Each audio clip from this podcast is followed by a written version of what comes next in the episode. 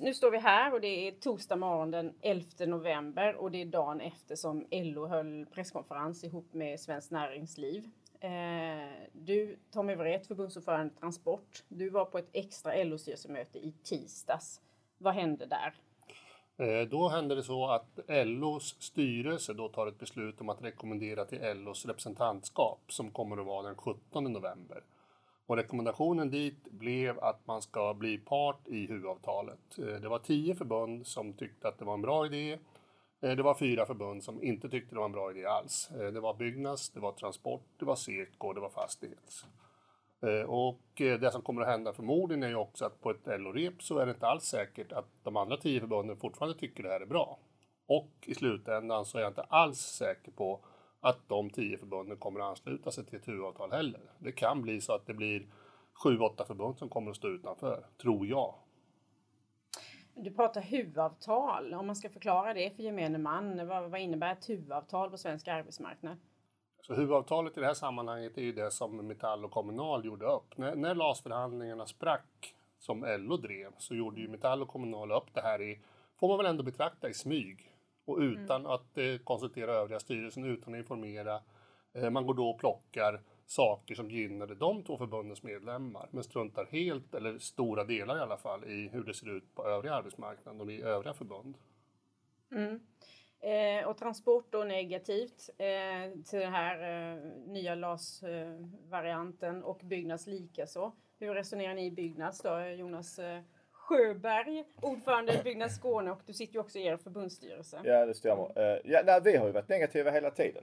Alltså precis som Tommy säger, de har gått bakom ryggen på hela LO-kollektivet. Det är ju första gången och det är oerhört anmärkningsvärt att man gör på detta viset och sen dessutom med regeringens hjälp kan man väl säga och 73-punktsavtalet går och gör en uppgörelse som man försöker tvinga resten av LO in i. Vilket är högst anmärkningsvärt.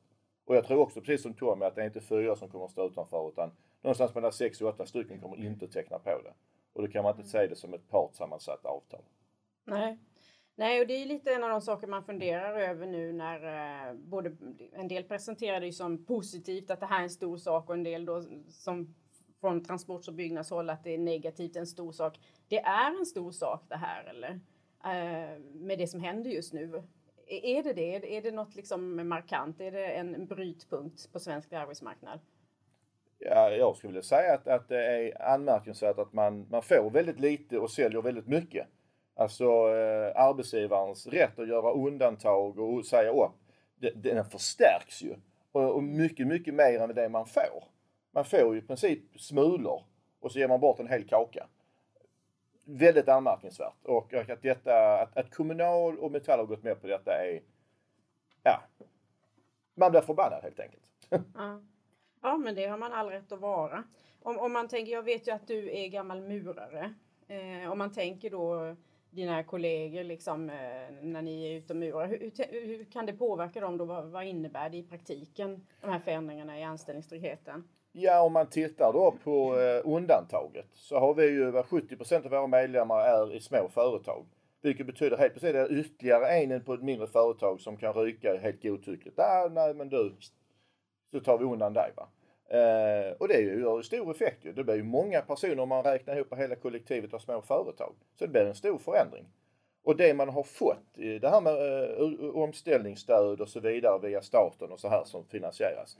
Eh, det är ju ingenting som vi av tradition använder. Utan har du varit murare i, i, i vår bransch, men har du varit murare i 25 år så inte fan ombildar du det på 6 månader till någonting du kan få ett arbete på. För det är ju det vi pratar om. Vad, mm. vad, vad gör du i karriären? Du har ditt yrkesbevis, du har ditt yrke. Du hinner inte bli, få ett nytt yrke på sex månader eller ett år med det omställningsstödet som erbjuds. De vill ha anställningstrygghet. Då är det den vi säljer.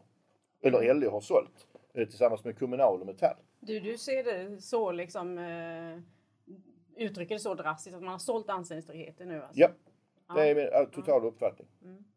Vad, vad, vad, leder det till då, tänker du, på en arbetsplats då? Vad, vad, kom, vad kommer hända när det här har gått igenom? Ja, när arbetsgivaren fått upp ögonen hur de kan använda detta så kommer anställningstryggheten generellt att bli sämre. Och, och alla våra medlemmar än så länge fram till nu har sagt att de vill ha mer anställningstrygghet. Det är till och med så att våra medlemmar som traditionellt sett brukar prata väldigt mycket lön, pratar ännu mer om och vara trygga i sin anställning idag. Och den har de dragit undan mattan för dem. Mm. Till viss del. Och vad, vad, vad, är, vad är skillnaden liksom? Var, varför måste man, var, varför är det viktigt att vara trygg i sin anställning? Alltså om du ska kunna få en löneutveckling, om du ska kunna vara trygg på ditt arbete och göra en bra insats och känna att man kan liksom eh, eh, ha, ha ett arbete fem dagar i veckan och liksom för, jobba det som man ska och kunna ha en bra arbetsmiljö. Då måste man också kunna liksom, dels vara trygg och säker på jobbet men även våga säga ifrån om någonting är dåligt. Mm. Alltså det ser vi när det blir mycket arbetslöshet och sånt att arbetsmiljön blir också sämre. Därför många säger inte ifrån. Ah, nej, men jag ska bara ta den här stegen, det blir billigare än en ställning. Därför man vågar inte, för man är rädd om sitt arbete. Och den känslan vill vi ju inte ha. Det är ju tillbaka steg hundra år i tiden. Att man ska känna att nej, jag behöver göra detta för annars får någon annan mitt jobb. Mm.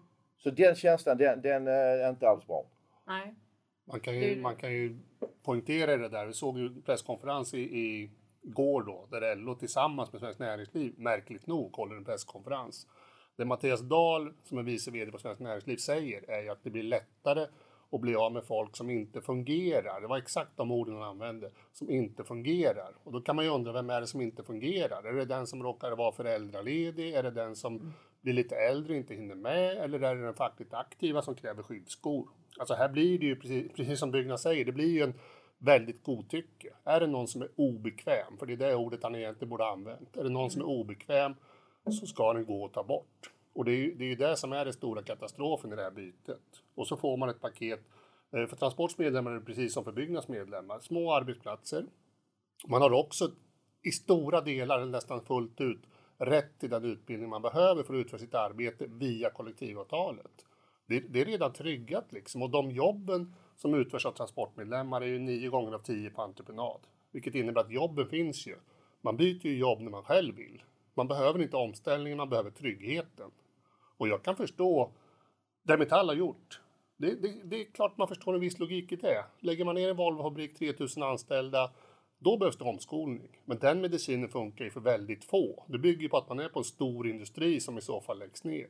Och det är inte aktuellt alls för våra medlemmar. Så att ja, det jag ser som ett stort svek och en stor katastrof. Ja, jag förstår. Men är det egentligen om man tar det här då, en, en stor industri som lägger ner och, och kanske flera tusen i, i ett svep eh, blir utan arbete. Alltså har vi ingen arbetsförmedling längre då? Finns inte staten där och eventuellt kommuner kanske och, och kan göra någon form av insats då? Krävs det att parterna gör upp om omställning och att det då ska liksom bekostas då av anställningstryggheten som det har blivit i det här fallet?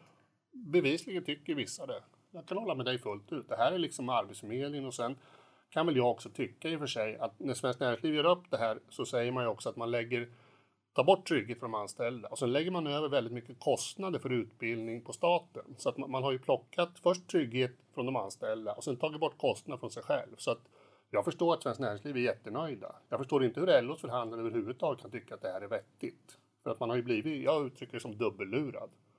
Två Vad menar du med det? Alltså, att man, man har lurat både på trygghet ja. och sen har man lyckats som arbetsgivarsidan att lura bort pengar från sig själv som staten ska ta kostnader. Mm. Man borde ha rätt till mycket mer vidareutbildning och, och utbildning i anställningen för att vara fortsatt anställningsbar istället för att åka ut i en icke-anställning och sen börja leta efter andra jobb som kanske inte ens finns. Så, att... så, så har det ju varit hittills, ju att det finns någon form av utbildningskrav alltså på arbetsgivarna, alltså att mm. bistå med fortbildning och att eh, se till att den egna arbetskraften utvecklas. Ju. Men, men det, det blir en brytpunkt nu. Ja, men det, det är ju på väg mot det vi inte ville ha. Därför traditionellt sett tittar vi på 80-talet när vi hade ett högre arbetslöshet. Då utbildar ju staten via olika system folk till nya arbeten. Nu vill de liksom att man ska ta det här stödet. Alltså man, man, löste den här fabriken som la ner med 3000 pers. Det löste man med utbildning. Eh, inriktad utbildning via komvux och via vad nu de här förkortningarna hette. Mm. På olika sätt. Men nu vill man liksom ta bort det här och så specialgöra det. För, och nu har man gjort en specialdesign för en bransch, enkel metall. Därför begriper inte jag hur, och nu säger jag det, Baudin kunde sälja ut sitt eget förbund. För jag ser inte att de har fått det bättre. För att säga att allmän visstid har blivit bättre och till och med avskaffad, det är ju ren lögn.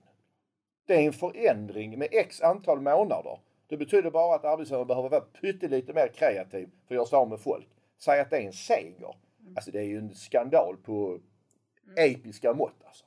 Och det finns Ja, ju det- de förbund som redan har den regeln med 12 månader på visstiden, exempelvis Ni, ni kanske kan förklara det där lite för att eh, för gemene man så kanske det här med allmän visstid och den förändring som, som ligger i det här paketet när det handlar om, om visstidsanställning. eh, Vill ni förklara det lite? Ja, alltså det, det blir ju i och för sig en förbättring för de som hamnar på just den här allmän visstid. Att det blir kortare möjlighet från 18 månader eller 24 månader ner till 12 månader. Eh, Tyvärr är det förmodligen det enda som kommer hända och det rapporterar ju Handels redan som har de här reglerna. Det är att det kommer att snurra ännu fortare. Du, du kommer liksom åka ut efter 11,5 månad istället för 17,5. Så att så länge man inte stärker själva anställningen i sig att det ska vara heltid tills vidare och där har man ju inte lyckats heller. Där står det ju bara att det ska vara en norm. Alltså det finns egentligen inga tydliga krav på heltider så att någonstans så blir det här liksom bara flytta lite klossar och förmodligen innebär det bara att det snurrar fortare. Så att den här tiden då som man måste vara på en arbetsplats som, som visstidsanställd, idag allmänt visstidsanställd, för att sen inlasa som det heter och få tillsvidareanställning, den kortar man. Mm. Det presenteras som, som något positivt i detta då, att man inte behöver gå så länge. Medan ni egentligen ser det som tvärtom då, en fara att man åker ut tidigare istället därför att man kalkylerar och räknar med att inte behöva få in då som eh, fast anställda helt enkelt. Alltså Det, det finns ju regler i det här som man presenterar som segrar också. Exempelvis inhyrda ska bli anställda av inhyraren efter 24 månader. Förmodligen en metallgrej också. Jag ser inte att det ens händer. Vi har på lager och terminal inom vårt förbund där man är inhyrd. Ändå blir man ju anställd innan det där har hänt. Eller också kommer det bli så att man är utbytt. Och det kommer ju bli så i framtiden med. Är du inhyrd, går i 23 månader, eh, låt säga att DHL hyr in någon från Adecco, så kommer det bli så att ändå åker du ut efter 23 månader. Eller så använder ju företaget den här möjligheten att köpa ut dem för 2-3 månadslöner. Den kommer ju inte DHL att betala, den kommer ju Adecco få betala i alla fall. För det enda man säger åt bemanningsföretaget är att nu får ni lösa det här, annars åker ni ut med hela kunduppdraget. Så det är ingen framgång det heller. Och samma om man tar hyvlingen som målas upp som en jätteframgång, att alla har rätt till tre månaders omställning. I våra avtal hade vi redan LAS-tiden. Det vill säga hade man sex månader, hade man sex månader. Så för hälften av våra medlemmar är det hypotetiskt en försämring. Sånt målas också upp som vinster. Och det är ju det är ett bevis på att en medicin funkar inte för alla förbund, för vi har olika förutsättningar. Ja, det är tydligt det. Men eh, ni är ju väldigt eh, upprörda och väldigt kritiska. Eh, vad skulle man ha gjort istället då? då? Hur, hur skulle ni velat lösa det? För det måste ju finnas någon form av grundproblem eftersom man har suttit och diskuterat. Vad var grundproblemet här egentligen? Varför drog förhandlingarna igång? Eh, De började ju 2017 eh, på LOs initiativ och då var det avskaffa allmän visstid och se till så vi fick tryggare anställningar. alltså eh, bort med den helt. Bort med den helt, det var det som var huvuduppdraget. Och se till så att, att, att även det som full tid blir norm. Det är ju Kommunals stora käpphäst att, att deras medlemmar jobbar till stor del 80, 82 och 78 procent. Det var ju huvuduppdraget. Sen var det, blev det lite jobbigt efter 73-punktsöverenskommelsen där liksom man la en blöt filt över det till fördel för arbetsgivaren. Men jag menar man kunde också backa tillbaka så vi hade fått lagstiftaren, alltså regering och riksdag, ta det beslutet. Eh, nu gjorde man inte det utan nu är man med och gör en, ja ursäkta, pissdålig uppgörelse helt enkelt. Som inte är förankrad. Nu sades det igår på presskonferensen att två står utanför. Men vi är väl ganska övertygade om att det blir mer än fyra som står utanför. Utan det är någonstans mellan sex och åtta stycken. Och då är det en majoritet som inte är med. Hur solidariskt är det? Arbetsgivaren har ju faktiskt lyckats med någonting som vi har misslyckats med genom att hålla ihop. Det har vi misslyckats med. Och varför har vi misslyckats med detta då? Alltså jag menar, hur, hur kan det här ske överhuvudtaget? Hur kan det vara att LO ställer upp, liksom har egentligen två förbund som uttalat och eh, bröt sig ur och gjorde en egen eh, uppgörelse och sen så eh, plötsligt ska hela LO med och teckna under. Hur, hur, hur kan det hända? Så den frågan ska man ju egentligen ställa till LOs ledning och kanske till de här två förbunden. För, för bevisligen är det ju så att när de här två förbunden stampar i golvet, då hoppar ju LO-ledningen. Skulle det sen vara så att de lyckas synka ett stamp i golvet med socialdemokratin, då jävlar hoppas det. Och då, då blir det ju fel för 12 förbund. Och för, det är ju halva LO-kollektivet som hamnar fel i det här. Så att eh, kopplingen är ju för hård och lojaliteten är för hård. Det vore enklare om LO drev arbetarnas frågor och, och vara tydligare mot både socialdemokratin och politiken generellt. Att det här är inte bra för svenska arbetare. Då måste man ju välja den linjen. Men här har man ju gått lite vilse i någon slags mittenträsk. Här är det ju en desperation över att behålla makt till varje pris. Och, och man är ju på väg att tappa bort Ja, socialdemokratin kanske redan har tappat bort sig delvis. Men här är man ju på väg att tappa bort LO också. I något slags maktspel som inte gynnar, i alla fall inte Transports medlemmar. Jag ska inte uttala mig för flera andra förbund, men för våra medlemmar så är inte det här bra. Nej. Känner ni stöd i era förbund eh, för, för den här liksom, eh, hållningen att säga nej helt enkelt och sätta ner foten? Eh, har, har ni backning liksom? Jag vill säga 100 procent. Det är ingen som har uttryckt att de har den typen av försämringar utan 100 procent. Bara kör. Nej, det är samma. Jag, jag är väldigt trygg både i min förbundsstyrelse men också vi har varit runt på ganska mycket träffar nu när man börjar få igång förbundet, när det börjar bli fysiska möten. Och egentligen så, så är det mer eller mindre 100 procent som säger att vi ligger rätt på det. Och man blir ganska trygg då i sin, sin hållning faktiskt. Mm, det får man ju säga. Det går ju inte att neka till. Eh, men, men åter till frågan då lite, vad, vad skulle man ha, ha gjort och hur hade ni, alltså om, om vi nu sitter i klistret på grund av IF Metall och, och Kommunal, att de eh, gick liksom sin egen väg. Vad hade ni tänkt, att, hur skulle man kunna lösa det här och nu då?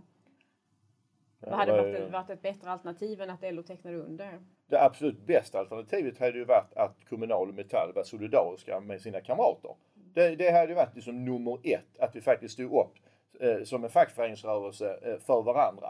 För nu spelar vi arbetsgivarna rakt in i händerna. Eh, det är grundproblemet, att de har ju som tyckt att vi är lite bättre eller lite andra än alla andra och nu gör vi upp själv. Och det är första gången det händer. Det är också oerhört anmärkningsvärt. Jag eh, tror fan att de är nöjda på Svenskt Näringsliv. Men alltså det tycker jag är huvudproblemet. Och då blir ju nästa fråga framåt. Det avtalen går ut 23. Märke, allting annat, samordning, var, var landar det någonstans? Hur tusan ska vi få ihop detta framåt? Mm. Svenskt Näringsliv har kört in värsta metallkilen. Mm. Jag, ser, jag ser det ju som att man, man faktiskt får fundera på LOs roll i framtiden. Här kan det inte vara tal om att LO ska samordna några mer förhandlingar. Det är faktiskt så. Jag hörde ett rykte, eller rykte, jag hörde det från vår förra förbundsordförande Lars Lindgren, att Karl Petter Thorwaldsson sa inför att man begärde förhandlingar, det var före min tid i LO-styrelsen, så sa han det här kommer att gå åt helvete, vi kommer att slita varandra i stycken, just på grund av olika förutsättningar.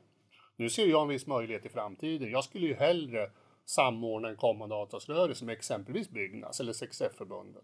Jag har inget intresse alls i framtiden att sätta mina medlemmar i samma båt som Metall. Det får, det får vara slut på det. Nu får vi hitta andra kamrater och andra att gå tillsammans med. Tyvärr för LOs framtid så kommer det nog inte att bli samma LO framåt. Jag ser inte alls möjligheten egentligen. Nej. Eh, du Tommy, du har ju fått vara med i ett antal intervjuer nu efter den här presskonferensen igår. Eh, och du har ju pratat om att man kanske borde gjort det till en valfråga. Hur mm. tänker du där då? Nej, men det, det är ett alternativ också. Om man nu hade haft att Socialdemokraterna hade tyckt att det här var vi nödgade och tvingade till. Eh, tyvärr låter det inte riktigt så när man pratar med Eva Nordmark, exempelvis arbetsmarknadsministern, så tycker hon det här är bra. Och då blir det ju svårt att få ordning i de leden. Man såg ju också, jag satt och tittade på S-kongressen i förra veckan, där man trycker igenom samma beslut, att partsöverenskommelsen ska genomföras i sin helhet, vilket ju innebär att man, man, är ju inte ens med på det en majoritet av LO-förbunden säger, att det här är ett problem. Så att jag hade ju helst sett att det hade blivit en valfråga. Att man hade fått Socialdemokraterna ta ett kliv åt vänster, titta till de gamla konstellationerna, gå ihop, presentera politik. Det här står vi för och så står vi för det hela vägen. Det blir inga januariavtal i smyg och så vidare, utan det man presenterar är det man står för. För det är enda sättet för oss att kunna trovärdigt valarbeta som fackförbund. Vem valarbetar vi för? Vilka frågor? Det, det vi skulle behöva är ju ett eget januariavtal tyvärr, som arbetarrörelsen tecknar med Socialdemokraterna. Det är det här som gäller.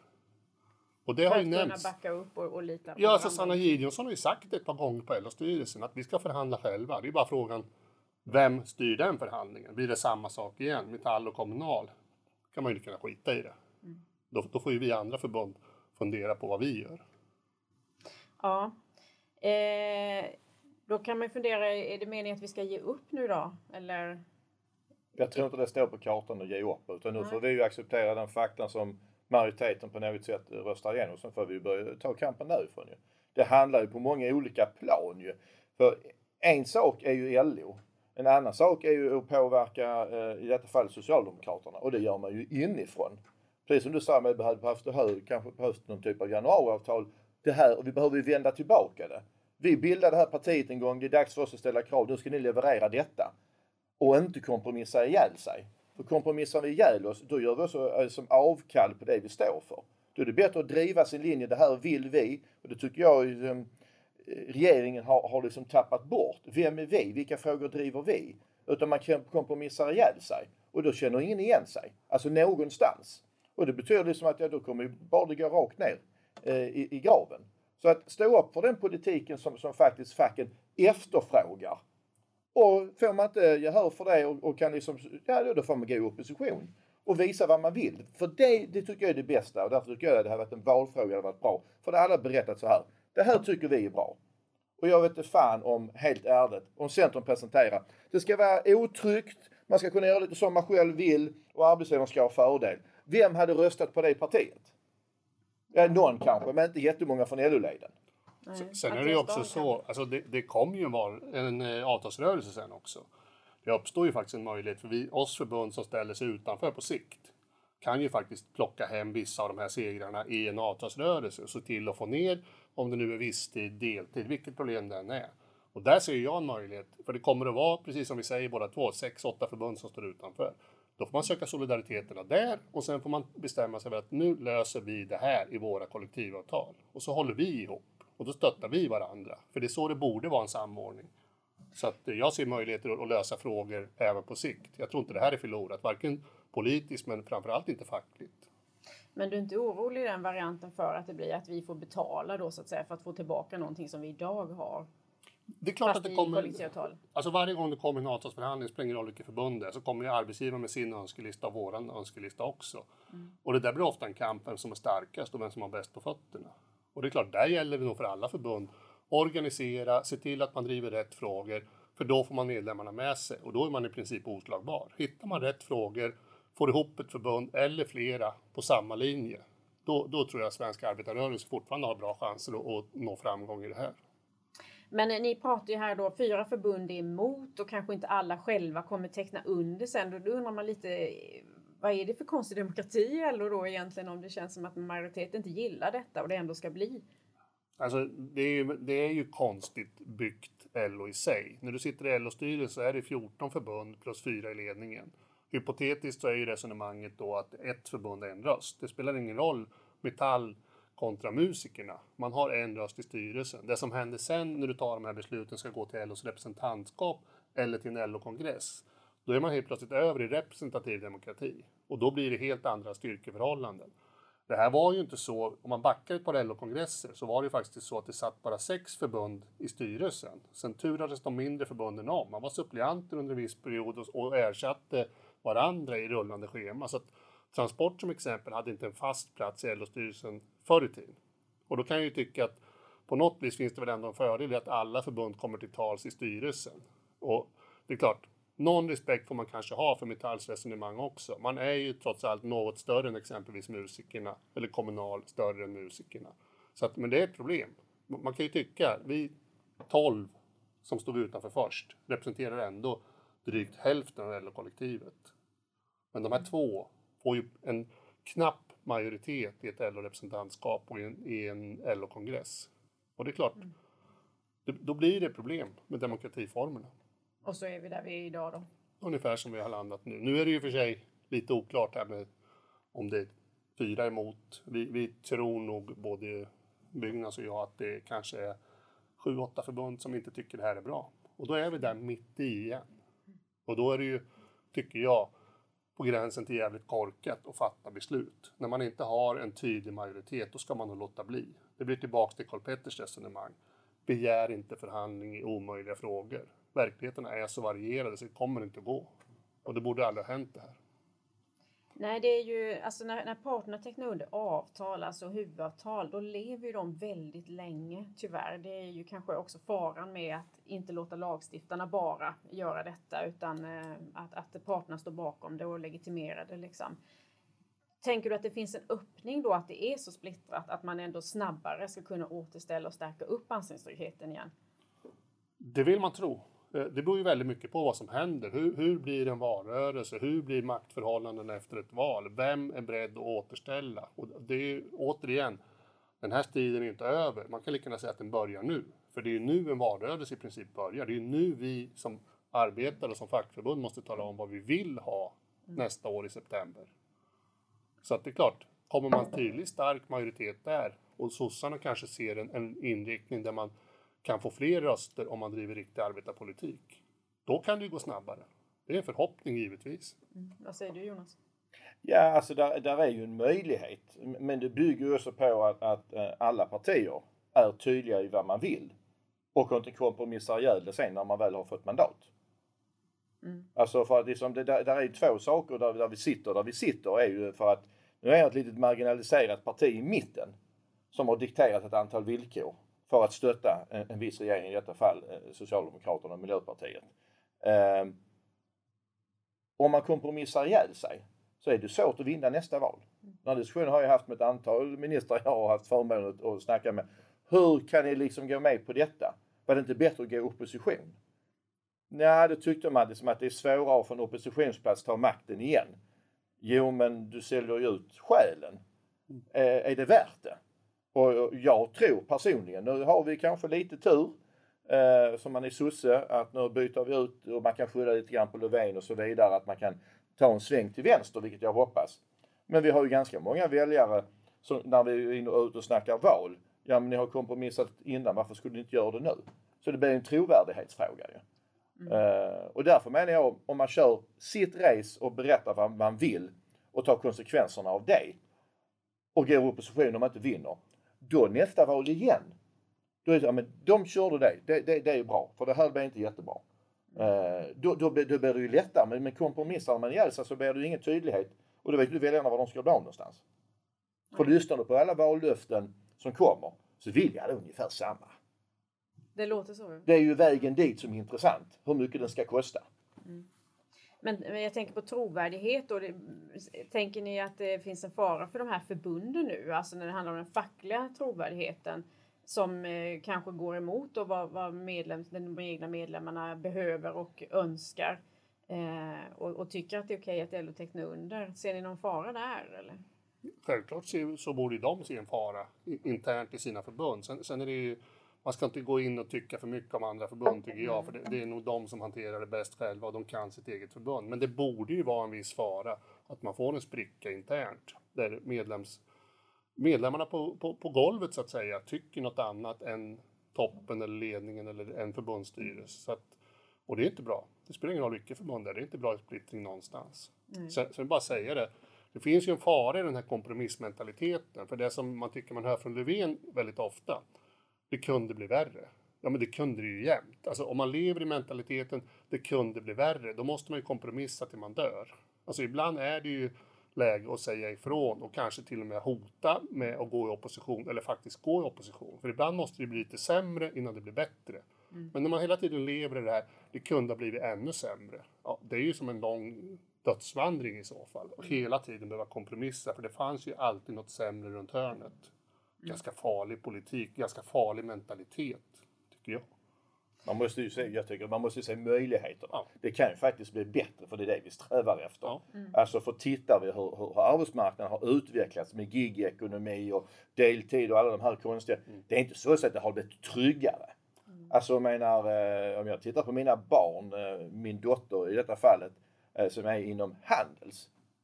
Det är fan ingen som har 100 procent. Mm. Inte ens när man annonserar ut arbete och ska öppna en helt ny butik med 40 anställda. Det var inte ett enda jobb som var 100% om du inte var chef. Alltså det är ju ingenting som är ett fall framåt, det är ju ett steg bakåt. Mm. Så här är ju faktiskt möjlighet att det ska bli mycket bättre också om man liksom är tydlig och har liksom en vilja ditåt. Men då är det kanske priset att man behöver stå tillbaka i fyra år för att visa att det här vill de andra. Det blir ju inte jättebra. Det här vill vi. Mm. Eh, jag vet att eh, när jag har pratat med medlemmar, som jag ju också är transportare, eh, så är det vissa som tror att det här redan har genomförts nu, att, att LASen är förändrad, alltså LASen, lagen om anställningsskydd, att, eh, att man har klubbat det. Eh, men det är ju inte riktigt så, utan det är ju på väg nu att tecknas under då överenskommelse och sen ska det fattas politiska beslut alltså i riksdagen. Så eh, är det någon av er som känner sig trygg i tågordningen här som skulle vilja dra den tidsmässigt? När, när, när är det här vår verklighet? Trygg, trygg är absolut inte i tågordning, men, men själva tågordningen är, det är precis som du säger. Nu, nu tas de här besluten i så fall. Steg nummer ett är ju ett LO-representantskap den 17 november. Sen är det en massa politiska grejer som ska ramla på plats, så att själva besluten för ett förbund och sen ansluta sig. Det är ju inte förrän i oktober nästa år. Och då kommer ju en runda till så att säga. Vad har hänt på vägen fram? Och vad liksom, är vi kanske åtta som står utanför? Det finns ju fort, alltså den här kampen är ju inte över och framförallt har det inte hänt än. Men det är klart att beslutet på LO-styrelsen och förmodade beslutet på LO-repet är ett bekymmer. Nu är inte ens LO-repet fattat besluten. Nej. Det skulle kunna vara så att de här förbunden som tvekar har faktiskt också kloka ombud i representantskapet som inte kanske delar sitt förbunds uppfattning. Det kan ju finnas en hel del metallare och kommunalare, tror jag, som är mycket tveksamma till det här. Eh, så det får man ju se. Så att det, är inte förlorat än, det har inte hänt än, men det var ju ett negativt beslut det som hände i förrgår, givetvis. Du har en poäng där. Det är klart att man hör kritik även inom IF Metall och, och Kommunal, ju, alltså ner på medlemsnivå. Ju, mm. så att, det, eh, det är ingen lätt sak att, att, dra igenom det här och tro att det ska ske i det tysta. Liksom. Eh, vi har ju fått ge remissvar ju nu eh, från olika förbund, jag antar från LOs sida också, eh, med tanke på kommande lagförändring då, eh, där det har varit mycket kritik och mycket oro som har framkommit. Eh, ska vi vara oroliga för nu då att om det då blir så att LO tecknar under att då kommer man inte ta fasta på den här, eh, de här yttrandena överhuvudtaget som vi har fått göra då från respektive förbund? Det står lite grann skrivet i stjärnorna men, men som det ser ut nu så känns det ju lite sådär, ja nej, då klättrar det igenom eventuellt. Alltså, LO har ju lämnat in ett väldigt negativt svar. Man var ju oerhört kritisk i sitt svar. Det baserades ju på de tolv förbundens uppfattning. Det finns ju fler instanser, exempelvis eh, eh vad heter det? Nu, nu står det still. Arbetsdomstolen. Arbetsdomstolen. ja. Arbetsdomstolen har ju varit väldigt kritisk också och säger att det här är liksom, det blir för oklart, det blir för svajigt i, i, i rättstillämpning. Man byter de här begreppen, exempelvis saklig grund till sakliga skäl. Det kommer mm. ny rättspraxis. Så att det finns ju många som är negativa och det är viktigt att poängtera LOs remissyttrande var negativt. Och det gör det ännu konstigare att förstå den här kovändningen om det inte är en leverans. För ingenting har hänt sedan de yttrade sig egentligen? Egentligen inte. Nej. Nej. Eh, du, när du säger det här, det kan också vara intressant att omnämna sak, saklig grund. Det ska bli sakliga skäl. Det är ju också ett urholkande då om vi har turordningsregler som, som ju kommer att eh, försämras. Eh, vill du förklara lite bättre vad det är? Alltså det, är, det är väldigt svårt att säga, men, men i och med att man tar bort en rättspraxis på någonting som gällde före så skapar man ju en ny rättspraxis på det som nu ska kallas sakliga skäl. Och då blir det ju faktiskt lättare. Arbetsgivaren behöver inte alls ha samma procedur med, med omplaceringsskyldigheten.